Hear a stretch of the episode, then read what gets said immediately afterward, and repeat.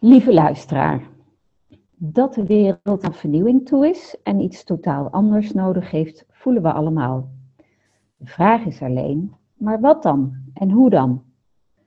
Mijn naam is Carola Rossing en als narratief coach en schrijver zet ik het verhaal centraal. Samen met de mensen die ik interview wil ik ontdekken hoe we het menselijk verhaal verder kunnen brengen. Voor onszelf, voor elkaar en voor de aarde. Voor ons ligt als het ware die blanco kaart die we hebben in te kleuren. Hoe snel dat gaat, zal de tijd ons leren.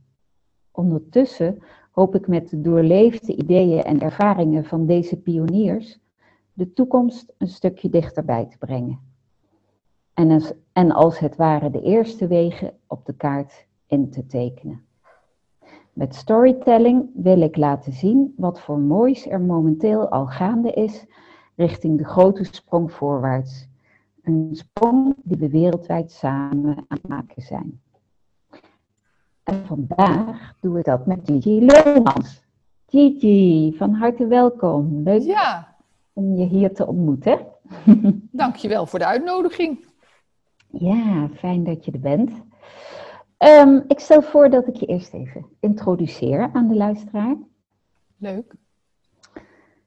Gigi, jij bent uh, interieurdesigner en naast interieurstyling richt je je vooral op het stylen van huizen voor de verkoop. Vastgoedstyling heet dat uh, ook wel in jullie um, vak.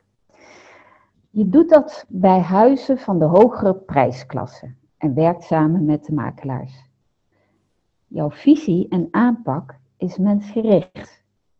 Ik vind hem heel bijzonder. Volgens jou moet een huis dat te koop staat tot de verbeelding spreken. Je moet het huis als het ware kunnen voelen. Met jouw styling laat je mensen ervaren waar het huis voor bedoeld is. Je stemt af op de functionaliteit van het huis en op de toekomstige bewoners. Naast je vakkennis gebruik jij daarvoor je vrouwelijke intuïtie. Ook begeleid je de verkopers. Want uh, een huis verkopen is immers vaak een emotionele rollercoaster. En in dat hele proces ga je naast hen staan. En nog even voor de volledigheid. Jouw bedrijf heet By. Hoe kan het ook anders, zou ik bijna willen zeggen. Ja. Nou, Heb ik het nou, goed gezegd of wil je nog wat aanvullen? Ik uh, luisterde uh, met een en al aandacht naar je. Uh, ook heel leuk voor mij om het zo terug te horen. Uh, wat inderdaad heel belangrijk is vanuit mijn visie, is dat ik me echt richt op de toekomstige bewoner. En me daarop afstem. Maar wel inderdaad in respect um, tot de huidige uh, verkoper. Ja. Ja. Ja. Ja, want je kunt het niet al helemaal gaan verbouwen terwijl iemand er nog in zit, als het ware. Nee, maar uh, dan bedoel ik eigenlijk met, uh, in respect met de verkoper, dat is een, een proces voor hen. Ze hebben vaak de, de knoop dus al doorgehakt, maar um, vaak hebben ze er ook al heel lang gewoond. en of schoon ze al afscheid hebben genomen, denken ze, merk ik toch in het hele verkoopproces dat het afscheid nemen van al die jaren, dat dat niet zomaar uh, gebeurt.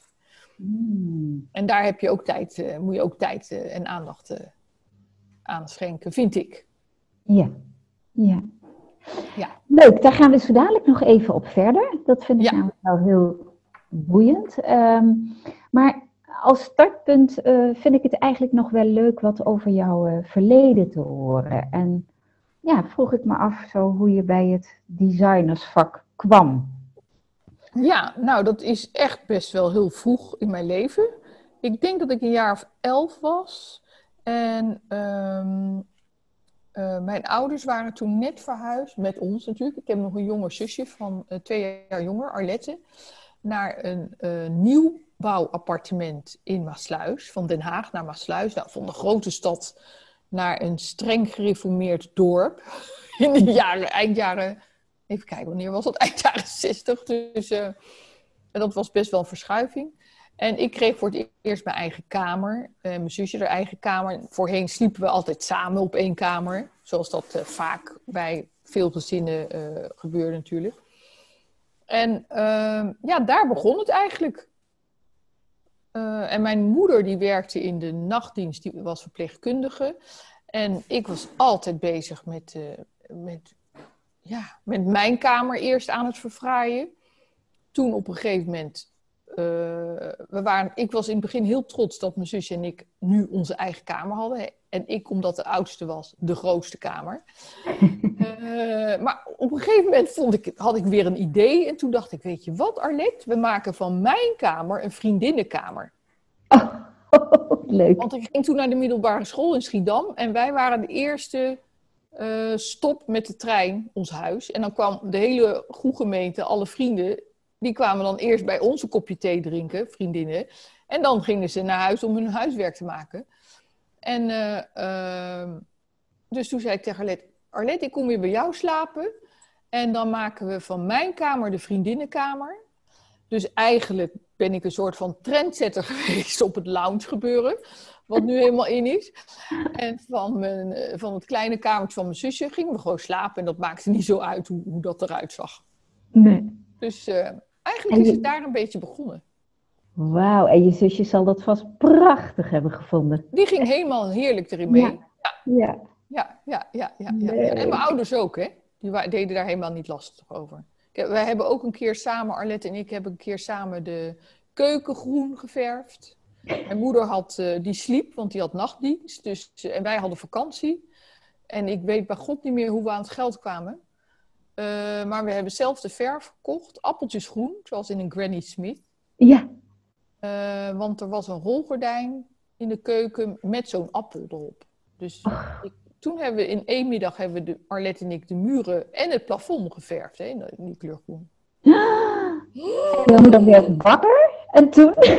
Nou, en mijn moeder zei, oh, ach, nou ja, jullie wonen hier ook.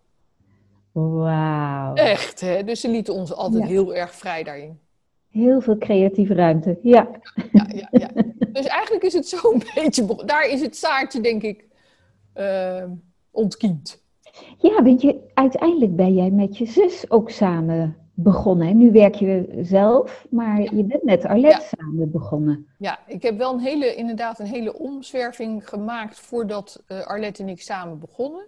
Ik heb een achtergrond van marketing en PR. Okay.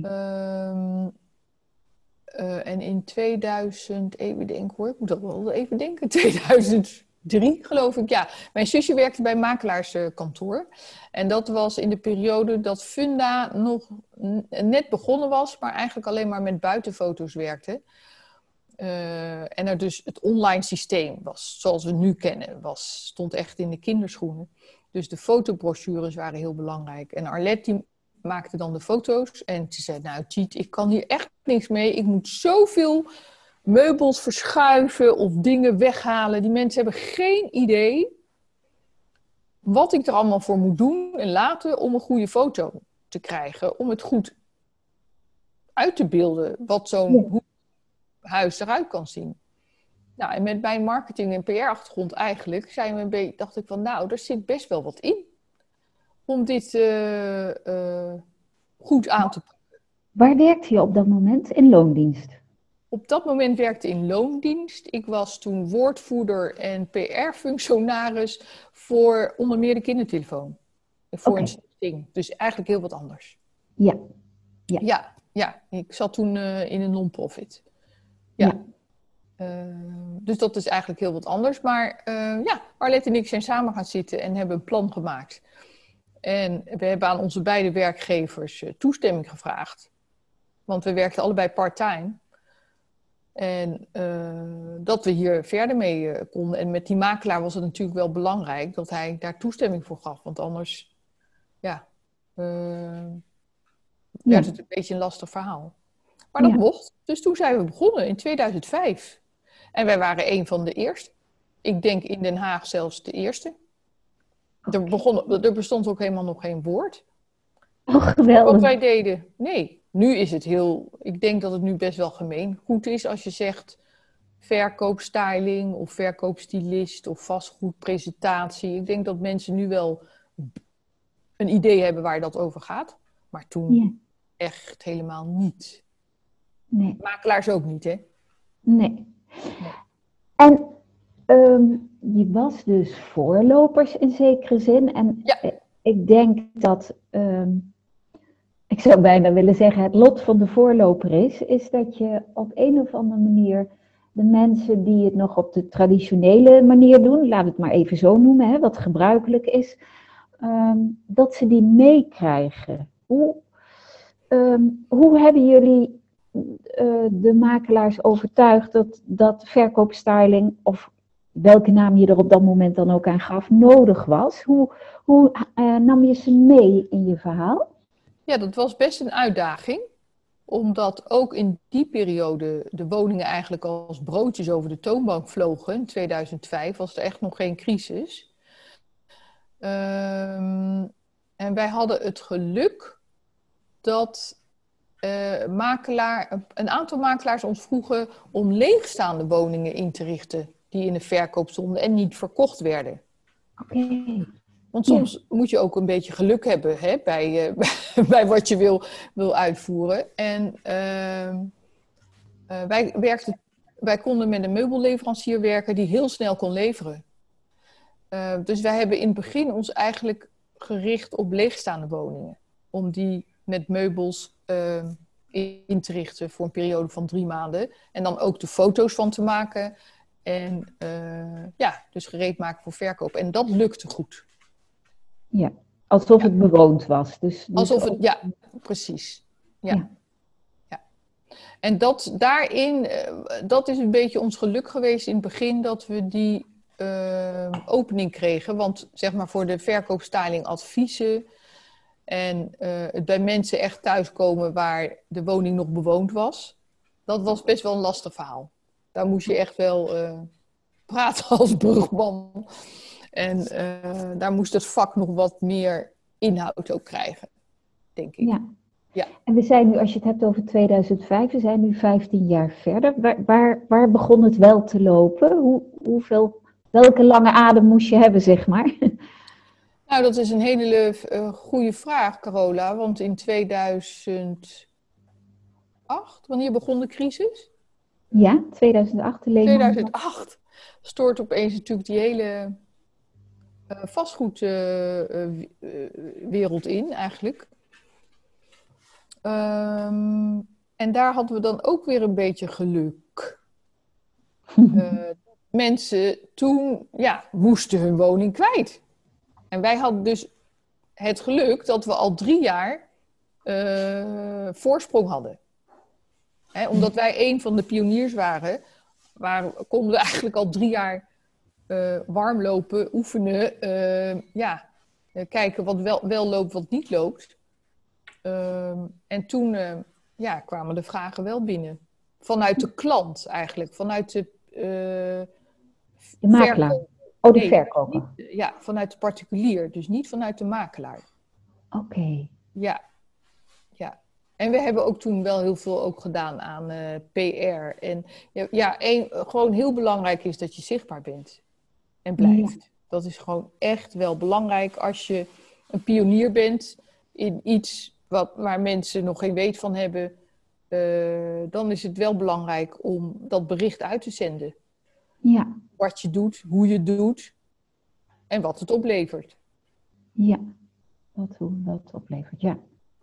En, en wat heb je daar nog dingen in ontdekt? Want ik neem aan dat, uh, kijk, geen, geen nieuwe weg gaat, gaat, zonder mislukkingen. Dat hoort er natuurlijk ook bij. Ja, ja, dat er ook wat dingen misgingen. Kan je, kan, jij, uh, ja, kan je wat hobbels beschrijven? Want uh, 15 jaar, dat is best een hele tijd. En, en als je dan, ik weet niet waar je nu staat, misschien kun je dat ook meenemen, maar ja. wat, je, wat je onderweg tegengekomen bent als uh, uh, waar ja. je tegen liep.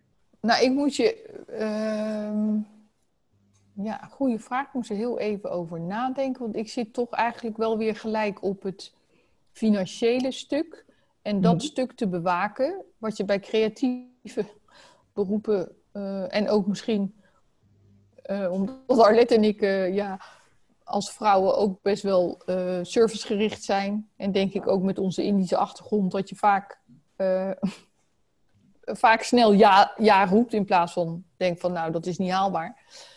ook in die 2008 moesten we heel snel leveren voor een appartement hier in Voorschoten.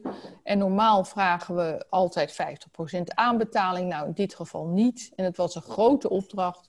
En ja, was uh, crisis. En die uh, vastgoedontwikkelaar ging dus failliet.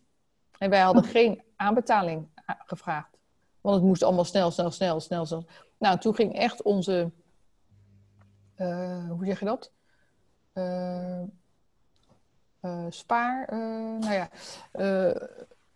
onze reserve, dat moet ik zeggen, onze reserve ging dus helemaal, ja. Dat vervloog. Dus dat was ja, een harde leerschool. en wat maakte dat je verder ging op dat moment? Je had ook kunnen zeggen, nou jeetje, ze snappen het allemaal nog niet waar het over gaat. Enerzijds, daar moeten we hard aan trekken. En nou hebben we ook nog een financiële tegenvallen. Er was iets waarom jij waarom jullie ervoor gingen. Ja, omdat we echt gewoon het nut ervan inzien. Het is echt een toegevoegde waarde. Het kan zo echt wel uh, uh, duizenden euro's meer opleveren voor de verkoper. Ja. Als je het wel, als je je woning juist of niet juist presenteert. Dat is echt wel een verschil. Ja. Uh, dus daar is dat wel de gedrevenheid. Ik, ik bleef de kans zien. Ja. Ik denk, ja, dat is dan een beetje misschien een matter of time. Mm. Hè, uh, uh, en ook omdat we financieel geen leningen of zo hadden, begrijp je? Ja. ja, was het gewoon toch weer opnieuw dan opbouwen. Ja, dat is dan zo. Ja. Ja. En... Nee, er kwam helemaal geen moment in op dat ik dacht van, nou, nu doen we het niet meer. Ja, wel heel grappig dat je dat nu zo vraagt, ja. Als ik dan daarop terugkijk. Ja. Dan is er ook een interne gedrevenheid, hè? Iets van, Zeker. Van, van passie of van... Nou ja, je vindt het natuurlijk heel leuk om te stylen, maar dat had ook een andere vorm kunnen krijgen. Je had ook interieurstylisten na de verkoop kunnen worden, maar op een of andere manier... Ja, dat komt er ook wel soms bij hoor. Die opdrachten krijgen we ook wel. Maar op de een of andere manier... Ik vind het heel leuk als het een, uh, een project een kop en een staart heeft. En ik ben zelf heel resultaatgericht, dus ik vind het wel heel fijn om dan, ja, als het woord verkocht is, zo, dat heb ik dan geleverd. En bij interieurstyling ga je echt, is het een veel langer traject. Uh, met, de, met de mensen, dan ga je echt de diepte ook in. En dan heb je vaak ook te maken met twee hele verschillende meningen, die je dan, ja, waar jij een soort van uh, middenweg in moet, niet moet, kan gaan vinden. Of juist niet, maar dan heb je twee, een echtpaar wat, waar, die het niet met elkaar eens zijn. Dus dat is een hele andere manier van werken dan, met, dan verkoopstyling. Ja. Ja, ik vind het toch fijn uh, dat er een kop en een staart aan zit. En dat je andere mensen blij maakt hè, ook de, de nieuwe eigenaren blij maakt met een nieuw huis. Waar, waar ik het perspectief heb kunnen tonen. Ja. Ja, ja dat is denk ik uh, de gedrevenheid. En ik vind ook, komt er ook nog bij, uh, dat, uh, ja, ik vind de makelaarswereld, ik heb natuurlijk met ze te werken. maar het is een oud métier. En ik vind ook wel dat daar een en ander in zou kunnen vernieuwen. Oké, vertel. Wat, wat zie je daarin? Wat zou je willen veranderen? Hier hoor ik een vrouw met een missie. uh, ja. Ja, kijk ik terug naar 2005 en 2020, dan is er al een wereld van verschil in uh, hoe Funda functioneert. Dat is echt baanbrekend geweest. Daar heb ik natuurlijk niks mee te doen gehad, maar dat heeft wel heel veel invloed op mijn vak, maar ook op het vak van de makelaars. En waar zit dat verschil in? Funda. Ja, waar zit het eh, verschil in? Wat, hoe was Funda vroeger? Dat weet ik niet. Nou ja, in het begin was het natuurlijk zagen ze alleen maar de buitenkant. En nu is het echt al, behalve foto's, ook plattegronden, filmpjes. dus dat is al, mensen kunnen al online veel meer zien van hun toekomstige woning. Ja. Dat is echt al een verschil. Ja. Uh, en ik denk dat de makelaars daarin mee moeten dienen te bewegen. Ja. Ja. Wat Natuurlijk is het een mensenbusiness. Hè? Ik bedoel, je moet ook voelen of een huis uh, bij je past. Uh, maar ja, mhm. goed, ik heb ook klanten gehad die uit het buitenland een huis hebben aangeschaft. Of een huis hebben verkocht en, er niet, en mij niet eens hebben gezien. Mm Dus ik denk wel dat we meer naar die tijd toe gaan. Dat het steeds meer, als de presentatie echt helemaal kloppend is, dat mensen bijna online zo'n grote aanschaf zouden kunnen doen. Ja. Ja, um, vind ik wel bijzonder dat je dat zegt, omdat, omdat jij juist zo enorm mensgericht bent. Ja. Uh, dus dat je, dat je zelfs, uh, hè, uh, vertelde je me, de verkopers eh, net ook zei, ze denken dat ze afscheid genomen hebben. Maar ehm, ja, dat, dat, daar zit nog een stukje rouwproces in, los van het hele verkoopproces, wat soms stagneert en waar ze vertrouwen moeten houden of waarin prijzen kelderen. Of, dus dat stukje, maar ook, ook het, ehm, het, het gevoel wat je in het huis legt. Maar goed, dat zou je dan in de presentatie kunnen terugzien. Ja, maar zelfs, het gaat natuurlijk heel erg over communicatie. Nou ja, dat is op allerlei manieren dat je dat kan doen. En uh, ik heb bijvoorbeeld, uh, dat is wel een leuk voorbeeld. Uh, ik zat toen op Bali, het eiland Bali in Indonesië. Mm -hmm. En als ondernemer werk je toch ook wel gewoon door, of schoon ik daar een kleine sabbatical had. En toen heb ik, uh, kreeg ik een aanvraag binnen van een Nederlandse vrouw die op Malawi woonde. Nou, dat is ook, uh, hè, dat is in Afrika. Ja. Uh, en haar woning stond al meer dan twee jaar te koop. En het werkte maar niet en het lukte maar niet. nou ja, op dat moment is afstand zeker een feit. Ik bedoel, ik kan haar niet menselijk ontmoeten en zij mij ook niet. Dus daar heb je gelukkig tegenwoordig andere manieren voor. Uh, dus ik heb haar eerst via FaceTime uh, gesproken, zodat, ze, zodat we konden zien wie, wie uh, voor ons stond, zeg maar. En ehm, nou, ja, gewoon even goed met haar gesproken van God, wat wil ze en waarom denkt ze zelf dat het niet lukt en hoe ziet ze dat allemaal. En aan de hand daarvan heb ik een offerte gemaakt. Weer met haar. Nou ja, dat kan natuurlijk allemaal via e-mail. Ik heb ook uh, voorbeelden laten zien van uh, hoe het zou kunnen worden. Ik heb aan haar gevraagd of zij foto's wilde opsturen van hoe de presentatie nu was. Nou, daar zag ik echt een hele hoop verbeterpunten in. Dus dat heb ik ook heel helder kunnen weergeven. Uh, ik heb zelfs de verhuizing georganiseerd. Ik heb echt alles gedaan. Ehm, en ja, dan gaat het ook natuurlijk om vertrouwen.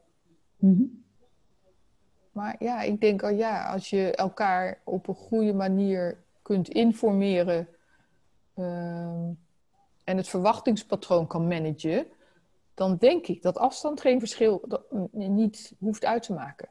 Nee.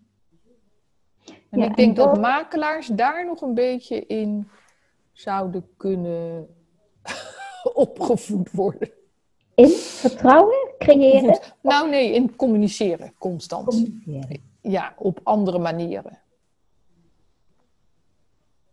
En op welke manier doen ze het nu dan? Want jij hebt iets. Ja, nu gaat het veel via WhatsApp en via telefoon en uh, werkelijk uh, op locatie. Uh, ik merk vaak dat ik van mijn klanten terugkrijg dat ze niet genoeg geïnformeerd worden door de makelaar dat ze pas geïnformeerd worden als het lukt. Ja, maar ja, je wil juist ook weten waarom niet mhm. lukt. Hè? Of hoeveel bezichtigingen er geweest zijn en, waar, en wat, ja, wat voor terugkoppeling ze hebben gekregen. Dat hoor ik vaak, dat ze dat niet terugkrijgen van de makelaar. Daarvan zeg ik ook van ja, dat moet je gewoon vragen. Want dan kunnen we dingen aanpassen. Als je het niet weet, dan. Uh... ja, dan kan, er geen vooruitgang geboekt worden. Kan het ook zijn, zit ik net te denken, de, eh, eh, tegenwoordig heb je veel vrouwelijke makelaars, maar zoals je al zei, hè, dat het een oud, oud vak is, denk ik dat van oudsher dat het vooral een mannenvak uh, is. Ehm, en nogmaals, er zijn nu wel meer vrouwen, maar ja. als je dan over mannen en communicatie hebt, die zijn natuurlijk veel gerichter, veel resultaatgerichter en die Terwijl vrouwen meer procesgericht zijn. Zou daar ook, ben jij daarin complementair aan hen? Dat jij je op het proces richt en zij op het uh, resultaat? Ben ik daar complementair? Ik, ik kan wel van mezelf zeggen dat ik uh, op het proces gericht ben, ja. In dit alles. Maar het, het resultaat zeker in, ja. uh, op het vizier heb. Ik denk, nee, ik denk meer, Carola, dat het zit dat uh, makelaars vaak grote kantoren hebben. In die zin uh, een grote uh, portefeuille. Ja, als je 40 woningen in je beheer hebt, of verkoop moet worden of aangekocht moet worden, dan kan je niet iedereen persoonlijk zo begeleiden. Ik denk dat het meer daarin zit. En wat geven zij jou terug? Want jij, jij, jij doet dus iets waar zij gewoon inderdaad geen ruimte voor hebben dan, als je het zo zegt. Uh, wordt het ook gewaardeerd? Merk je dat? Of moet je jezelf nog steeds bewijzen en bevechten en... Uh... Uh, ja, mooie vraag. Ik merk wel een verschil tussen 2005 en 2020. Dat wel. Dat ik denk, oh wauw, uh, oh, de hond komt er even bij. ja, nee, Indy, nee, nee, nee. En um, ik vind ook nog steeds wel dat ik het moet bevechten. Ik moet nog steeds wel. Eh, het was ook wel weer een leuk voorbeeld van de week. Uh, kwam er, uh, heb ik een ontzettende mooie bovenwoning helemaal uh, verkoop klaargemaakt. Daarvoor, dat waren mensen die uh, gingen weer terug naar Amerika. en um, het was al in de verkoop geweest, die woning. En de presentatie was echt verschrikkelijk. En ik heb het zo weten het voor te bereiden dat alle meubels eruit zijn gegaan. Hij bleef nog even in Nederland om een en ander op te knappen. Uh, mevrouw zat al in Amerika. Ik zeg, dat gaan we eerst doen. Dan ga ik het helemaal goed stylen, goede fotoreportage maken. Wij laten het ook professioneel schoonmaken, want ze hadden een, uh, een, een dakterras. Maar dat was echt, dat moest echt met een hoge drukspuit en zo. De glazen, de, de ramen moesten goed gewassen worden. Heb ik ook allemaal georganiseerd. Ik zeg, en dan gaan we praten met twee makelaars. Ik zeg, ik, ken jij een aantal? Ik zeg, ja, ik ken er een aantal die ik denk wat goed is voor hier. En toen hebben ze uiteindelijk maar uh, met één makelaar gekozen uit mijn uh, opties. Uh, en dat is vorige week gebeurd. Maar die makelaar was, ik heb natuurlijk tegen de makelaar verteld, het is, was een vrouw trouwens, of het is een vrouw. En ze zit zeker al 30 jaar in het vak. Dus het is echt wel een dame die weet van de hoed en de rand. Um, en ik heb haar de week daarvoor nog gezegd: zeg, God, uh, uh, die en die kan contact met je opnemen, want ze willen hun woning in een verkoop doen. En ik heb jou aanbevolen. Oh, wat leuk, wat fijn, wat fijn. Nou, toen kwam die makelaar, maar de opdrachtgever wilde dat ik er ook bij was. Ja, dat had ik niet gezegd tegen die makelaar. Ja. Dus uh, ze was erg verbaasd dat ik er ook was. Oké. Okay. Ben jij er ook? Oké, en wat... Dus ze moest even wennen, ze moest even wennen aan het... Uh, ja, aan de verhoudingen. Dat merkte ik wel. Ah. Dat vond ik voor mezelf ook eigenlijk wel leuk, om dat zo te zien.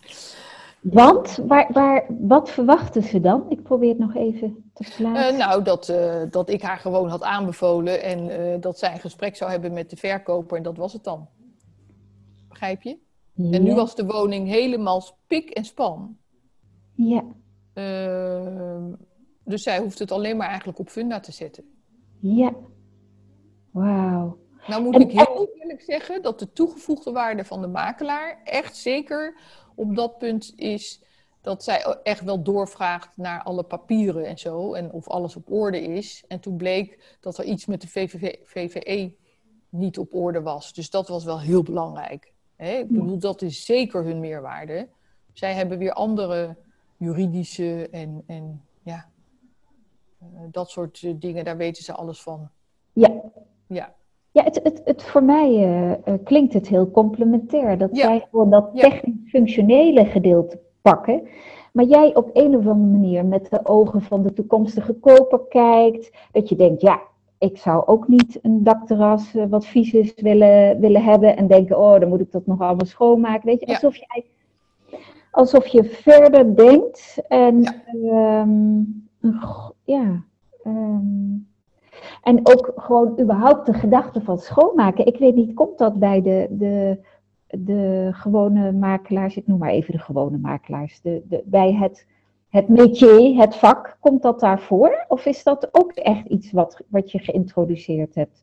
Dat je een schoonmaker laat komen? Ik ken het nee. Nou, ze melden het wel, natuurlijk. Maar ik merk dat ik als uh, stylist meer voor elkaar kan krijgen dan zij als makelaar.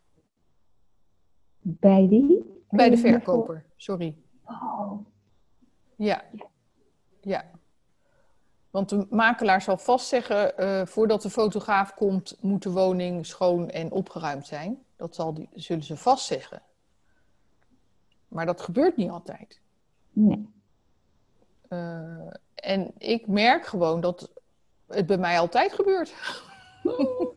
ja, en dat ik het ook regel. Hè? Ja. Dat is vaak ook uh, dat ze niet weten hoe ze het allemaal moeten regelen. Ja. Opruimen is ook een proces. Dus ik heb liever dat ze daar de tijd voor nemen en dan pas de woning aanbieden, dan dat ze het slordig aanbieden, omdat het nu de tijd zou zijn. Ja, dat scheelt duizend euro's. En dat opruimen, kom ik weer even terug op wat je in het begin zei. Kom je daar dan ook ehm, het afscheid nemen van het huis tegen? Want je had het over te denken dat ze klaar zijn voor de verkoop, maar vaak zit er dan toch nog, zoals ik, uh, ik vind die term emotionele lijn, zit er dan nog op, hè? Ja, echt. Ik had laatst een, uh, ja, heel vaak, dat kom ik helaas dus ook tegen, uh, een scheiding. En dan moet de woning verkocht worden. Maar ja, een van de twee partners woont daar nog en de ander is al vertrokken. Uh, dat is natuurlijk pijnlijk. En dan moet de woning. En dan zie ik dat de hele zolder ligt vol, echt vol. Met allemaal nog babyspullen. Nou ja, goed. Met een heel verleden. En de, en de andere partner is gewoon al met uh, de spullen die hij of zij nodig had vertrokken. Dus ja, dan is degene die in dat huis nog achterblijft, is eigenlijk een beetje de, degene die het moet opruimen. En daar merk ik vaak dat dat. Nou, in dit geval was het echt. Ik kreeg haar. Ik moest het echt allemaal voorzichtig brengen. Ik moest echt het plan van aanpak uh, geven. Van nou, doe het eerst zus en zus en zo. Hè, uh, wat, heb je nog, wat zijn echte herinneringen aan je kinderen? Je kan, niet, ja, je kan gewoon niet alles meenemen, want je moet toch kleiner wonen. Dus ja, hoe gaan we dat doen? Mm. Het vraagt dus veel invoelend vermogen en tact. Ja. dan zeg ik, maak drie stapels. Eén wat je uh, weg kan gooien, één uh, wat je echt wil behouden en ander wat je weg kan geven. Hmm. Ja, zo begin ik. En dan krijg ik allerlei uh, verwerpingen. Ja, maar dit en ja, maar dat. ja, dus, uh, nou ja, daar ben ik in maart, sinds maart mee bezig. En ze is twee weken geleden bij me teruggekomen. Och. Dus zo lang kan het soms duren. In die tijd heeft ze zelf opgeruimd nu? Ja, ik ga volgende week kijken. Ik ben benieuwd. Oh, ja. Ja, en dan heb ik ondertussen natuurlijk ook wel contact met haar hoor, via WhatsApp ja. of. Uh, ja. Uh, ja.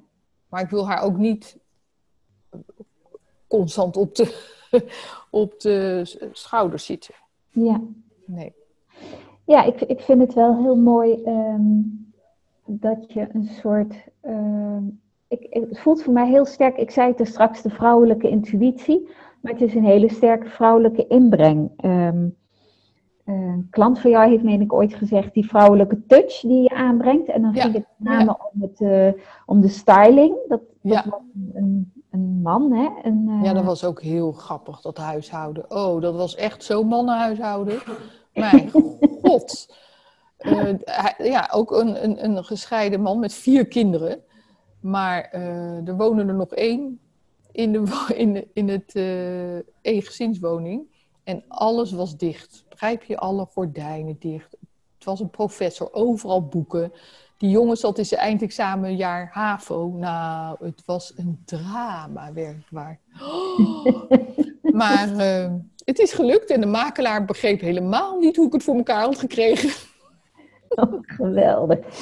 Ja, Ja, dat, dat, dat, dat besef ik nu. Dat het dus niet alleen intuïtief is met stylen, maar dat je dus ook die, ja, dat associeer ik, associeer ik toch ook wat met vrouwelijk, die empathie hebt en in- voelt wat mensen nodig hebben, mensen de ruimte geeft, een stukje begeleidt. Ik kan me echt voorstellen dat dat revolutionair is in, eh, in, in makelaarsland. Ja, dat, dat durf ik niet te zeggen, Carola, want ik weet niet hoe anderen dat aanpakken. Begrijp je? Ja, Ik ben niet bij, dus dat weet ik dan niet. nee. Dus echt op mijn eigen manier. Dat is misschien ook wel als pionier, hè? dat je het echt op je hele eigen wijze iets neerzet. Of voor elkaar probeert te krijgen. Ja. En je bent een, eh, een creatieveling als designer, als stylist. eh, maar uiteindelijk is pionieren is ook creëren. Hè? Ja. En, mm, creëren vanuit ehm, zeg maar het vormloze. Het heeft nog geen vorm. En dat moet een vorm krijgen, dat je naar de vorm toe gaat. En zie jij daar ook een, een, eh, een parallel in als je het creatieve proces zeg maar eh, daarop toepast?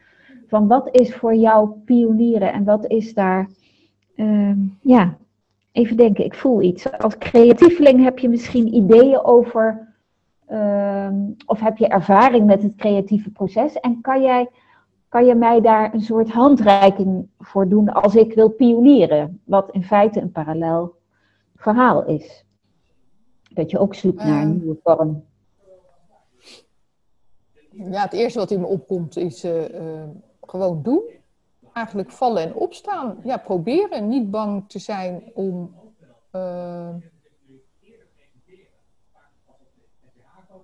Ja, niet bang te zijn of, of dit het wel is, of dat het perfect moet zijn of zo. Waar hou je je dan aan vast? Eh, ja, aan de reactie van de ander natuurlijk en of het succes heeft. Bedoel, ja. Maar inderdaad, eh, met verkoopstyling waren wij een van de eerste. Eh, hoe ga je dan te werk? Toch inderdaad wel heel erg op mijn in- intu- intuïtie en mijn invoelingsvermogen. Eh, dan ontvouwt zich een plan en dat stippel je uit. Maar daarom is het zo fijn dat je zelfstandig ondernemer bent. Als het niet werkt, kan je altijd weer terugschakelen of iets anders proberen. Ja, Ja. ja, ja. Dat heb ik wel de laatste jaren pas hoor. Eh, geleerd dat spelen is helemaal niet erg. Ik noem het het spelen. Oké. Ja. Is helemaal niet, eh, waarom is dat erg? Daarom ben je zelfstandig ondernemer. Anders was je wel in loondienst gegaan en moest je Ja. volgens de regels van een ander gaan werken. Ehm, ja, het gewoon echt daadwerkelijk het proberen, het gewoon doen. Dat is het belangrijkste. ik denk dat wel dat er ook vaak een stuk angst op zit van, eh, ja, maar als het nou niet goed gaat, hè, wat zal men ervan vinden? Of eh, ehm, dan heb ik geen inkomen. Of hoe ga jij met die angst om dan? Ja, dat is wel inderdaad eh, best lastig. Ik, eh, eh, ik ga even heel even verschuiven. Ik moet daar. Hoe ga ik daarmee om? Ehm, ik vind dat inderdaad wel lastig. Kijk, als, het, als de dingen goed gaan, ehm, dan zie je dat ook financieel terug. Zo is het natuurlijk. Ja, Ehm, En als uh, het financieel niet goed gaat, ga ik wel proberen van oké, uh, waar kan ik nog uh, opdrachten binnenhalen of op welke manier? dat dan wel. Maar ik vind het wel lastig inderdaad dat je nooit elke maand weet wat er aan het eind van de maand binnen is gekomen. Dat is altijd toch een. Je hebt natuurlijk een streef, hè? je streeft ergens naar en je hebt een plan. Maar ja, dat hoeft niet elke maand zo uit te komen. Uh, en, en uh, ja, dus dat vind ik wel een lastig, lastig iets. Blijf ik wel. Ja, kijk, als het goed gaat is het, is het prima. Maar als het uh, minder is, denk ik, jeetje, Mina, waarom is het deze, wat heb ik gedaan dat, ik, dat het niet is gelukt deze maand of zo? Mm -hmm. Ja, waar kan ik nog iets aan uh, trekken om het wel uh, te laten slagen? Ja. Zie je het ook als een ontwikkelingsweg? Ja, zeker. In feite heb je het over hè, de reflectie van, oké, okay, wat daar probeer ik van te leren, hoor ik daarin. Ik moet niezen, sorry. Gezondheid. um, ja, ik zie het zeker als een ontwikkelingsweg. Ja. Ja, als ik nu, als ik me nu naar mijn eigen bedrijf kijk, nu en 2005, dan is het een wereld van verschil. Wereld van verschil. Je wordt natuurlijk zekerder als uh, je succesjes kan boeken dan word je ook zekerder van. Ja. Uh, van je zaak. Dus dan ga je daarop verder uitbouwen. En of verdieping zoeken. Of uh, ja, het is wel inderdaad toch nog wel steeds gerelateerd aan het inkomen. Dat wat er financieel binnenkomt. Ja, daar is het wel natuurlijk toch wel altijd aan gerelateerd. Maar geld is natuurlijk ook een vorm van erkenning. Jazeker, ja. Hè? Als je, als je, ja. En ook daar heb ik een ontwikkeling in gemaakt, uh, Carola, want in het begin, ik heb, had geen idee hoe, hoe, hoe we dat moesten doen. Er was ook geen referentie. Um, ik heb later natuurlijk wel een vakopleiding gedaan. En, ik, en, en omdat er meer stylistes kwamen, uh, heb je dan ook, kan je vergelijken hè, hoe die werken. Of, uh, dus er zijn vers, verschillende verdienmodellen. En ik heb ook zeg maar ondersteuning gezocht bij een coach. Want ja, je bent nooit te oud om te leren. Die heeft me ook zeker verder geholpen. Uh, ja. En in het begin uh, vond ik dat heel lastig om daar een zeker bedrag voor te gaan vragen. Hoe kom je daarbij? Ja, hoe kom je op zo'n bedrag? Ja. Ja, de waardetoekenning van jezelf eigenlijk. Ja. Hè? ja. Ja. En ik denk dat dat veel, bij veel vrouwen werkt. Ja. Ja. Ja. Ja, dus wat dat betreft leer ik dan ook wel weer van die makelaars. Want? Nou ja, die, uh, die werken met een commissie of met een, ja, hoe zeg je dat? Een, uh... Ja, ja. Ja, aan het einde van de verkoop. En op een gegeven moment ben ik ook zo gaan denken. Ik, oh ja, dat kan ik natuurlijk ook doen waarom niet? Mooi, dus eigenlijk al lopend, al lopend een nieuw pad, zeg je eigenlijk van, uh, als ik zo even terugdenk waar we het over hebben gehad, van het begon wel met een aantal keren geluk, maar, ja. maar gaandeweg doe je ervaring op, je, je, gaat, uh, je hebt ook een... Um, uh, je, je, begint erin te geloven ook. Hè? Uh, als je wat successen, daar heb je wat successen voor nodig, ga je erin geloven. Maar dan doe je nog een stukje vakopleiding. Je, je krijgt andere collega's waarmee je kunt gaan vergelijken. Hè? Want dat is, ja, als je als enige ja. bent, is het, weet je ook niet wat is de norm en wat. Ja, precies. Heb je geen toetssteen, dus dat komt er ook bij. En dan, en dan komt denk ik die stevigheid, zoals je het vertelt. Want het klinkt nu alsof je helemaal voor staat. En dat, maar ja, dan, dan mag je jezelf die, die waarde gaan toekennen. En, uh, en waar, waar sta je nu ergens dan? Uh, ik krijg een beetje een enorme kriebel in mijn keel. Excuus. Waar sta ik nu? Ja, ik sta nu Sinds, Als pionier, zeg maar. Dat je helemaal hè, dit, dit proces beschouwen. Dat je denkt, oké, dan sta ik nu. dat is een mooie vraag. Ik ben, ik ben me wel weer aan het ik ben wel aan het onderzoeken nu wat voor soort presentatiemogelijkheden er nog meer zijn. En als pionier, ik denk, ik denk dat ik de enige uh, ben in mijn vak die ook 3D animated video's uh, kan uh, leveren. Mm -hmm. En dan denken mensen, wat is dat? Dat is als je bijvoorbeeld, hè, ik eh, bedien mensen in het hogere segment. Dat zijn vaak villa's waar mensen meer dan uh, eh, 30 jaar hebben gewoond. Dat is dus een gedateerde layout, een gedateerde inrichting, maar ook uh, gedateerde en achterstallig ja, woning. En daar in zo'n video kan ik helemaal laten zien hoe het zou kunnen worden getrokken naar deze tijd. Wow. Niet meer met een artist impression, maar echt bewegend beeld. Uh, en dat wordt dan gerenderd, dat is dan een vakterm, of ja, dat is dan een technische term. Al die beelden worden gerenderd. Dat doe ik samen met een bureau, maar zijn mijn ideeën en uh, ja, mijn layout en zij doen het technische verhaal. En dat gebeurt veel in nieuwbouw. Uh, projecten. Want dat koop je van een, van een tekening. En die hebben dan ook een, een rendering. Maar bij bestaande bouw gebeurt dat nog helemaal niet.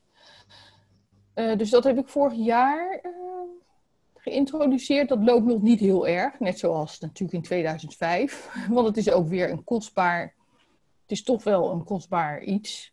Uh, ja. Dus mensen zien, verkopers zien vaak daar niet de meerwaarde van in. Nog. Nee. Ehm, maar dat is dus met alles als je pionier bent. Dat mensen eerst die meerwaarde moeten gaan zien. En altijd, maar dat is denk ik wel typisch Nederlands. Want in Amerika werkt het echt niet zo. Dat ze echt altijd eerst naar de kosten kijken. Ja. En is dat dus een kwestie van een lange adem, die meerwaarde zien? Er zelf in blijven geloven? Ja. Of, of moet je daar zelf nog iets in doen? Ik denk allebei, neem ik aan. Maar ik zeker in, als, als je er zelf niet meer in gelooft, moet je ermee ophouden.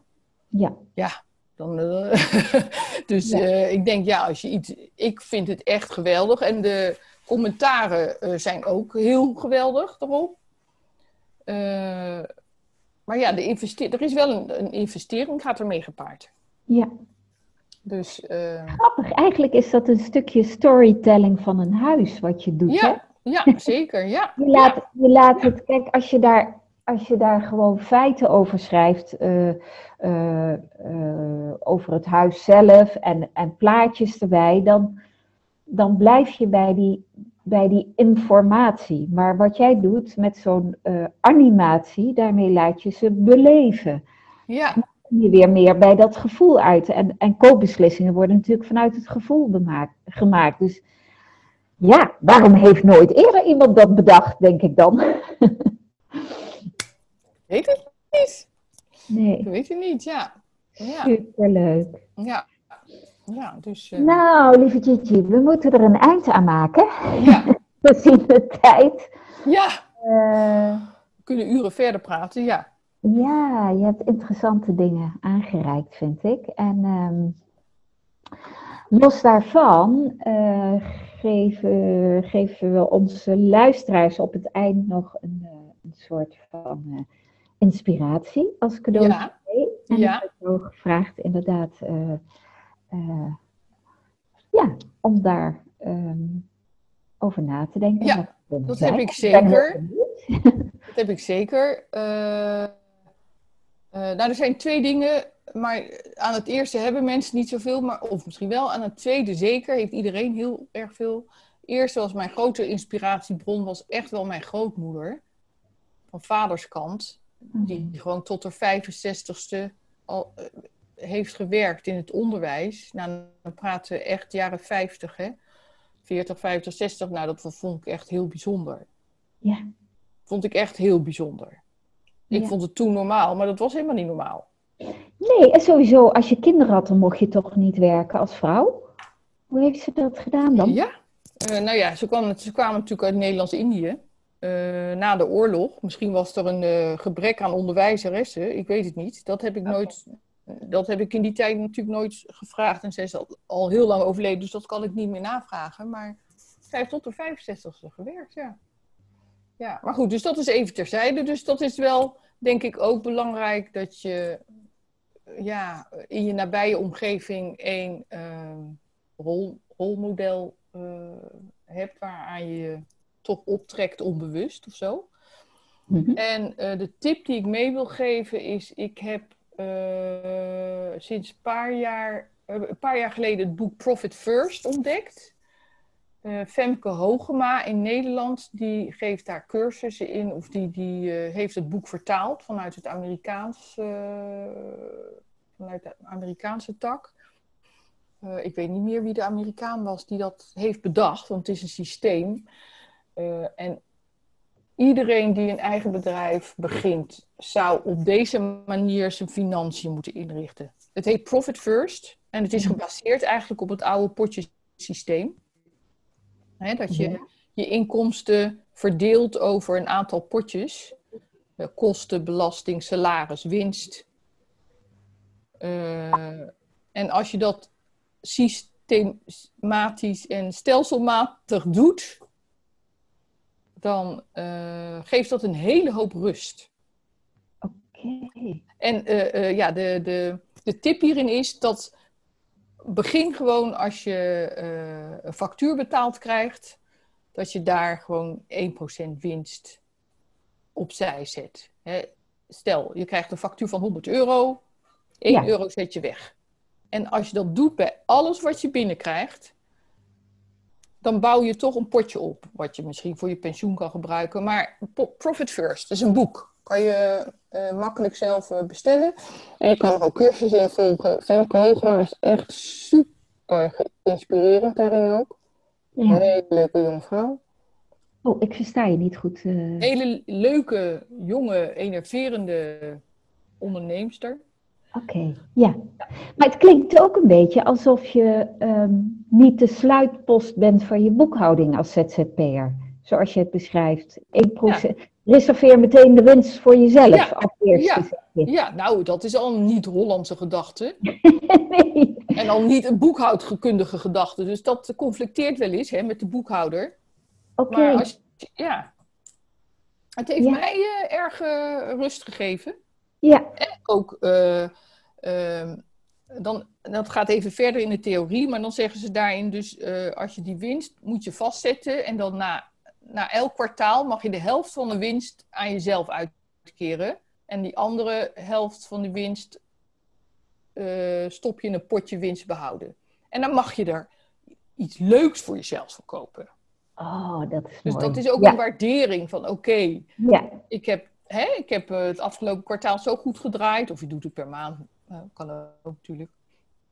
Dat je, want dat heeft mij ook geleerd dat ik geld voor mezelf vanuit de zaak voor mezelf mag besteden. En niet alleen maar ja. aan kosten, salaris, belasting. Maar ook voor mezelf. Of hè, stel dat je aan het sparen denkt van nou, ik wil, wil mijn partner verrassen op een weekendje weg. Ja, dat is ook jezelf verrassen natuurlijk. Ja, zeker. Dat ik echt heel erg... Uh, fijn. En de rust is het overzicht wat die potjes brengt. Ja, ik hoef nooit meer te denken over mijn belasting eigenlijk. Ja. Want er staat een bepaald percentage naar het inkomen wat je verdient. Ja. Ja. Dus je reserveert altijd je belasting ook. Van, hè, stel je krijgt een factuur binnen van, uh, nou, noem maar wat, 500 euro. Dan gaat er misschien 30% eh, van die 500 euro gaat naar belasting. Ja. Weet je wel, dus dan ja. ja aan het einde van het kwartaal hoef je niet te denken van, oh shit, oh shit, ik moet die belastingen, oh, heb ik dat wel? Ja. ja. Super fijn. Dus die, die tip wil ik meegeven. Ja, en ik vind met name heel leuk dat je ook jezelf daarmee um, uh, weer verwendt. Ja. Leuk. Ja. Want, uh, nou, je stopt toch alle, met hart en ziel, uh, of met ziel en zaligheid, voer je dat bedrijf. En, ja. Ja, ik denk dat uh, velen van ons dat doen, dat dat ook de pionier eigen is, hè? Omdat, er, omdat er iets van binnenuit hem voortdrijft. Dus dat is ook wel heel leuk als je daar ook dat spelen in terug laat komen. eh, Ja. Wat je eerder Ja. noemde. Hè? Maak, maak het wat, het klinkt ook van maak het wat lichter. En, en geniet er ook van. Hè? De- pak meteen de waarde ook terug. Eh, en en als, je, als je het jezelf verwendt, dan heb je ook weer meer energie om ja, de hobbels te nemen die het pad ook kent. Leuk. Ja. Nou, super bedankt Gigi. ja, jij Eh, ook. Ik vond het een heel leuk gesprek. Dankjewel. Leuk interview. Ja, jij Ja. ook. Jij ook succes En, met de andere pioniers. Ik ben benieuwd naar hun verhalen. Ja, nou, ik zou zeggen, ga ze luisteren. en voor de andere luisteraars eh, ook. Ik wens jullie eh, nog een mooie dag. En tot de volgende opname.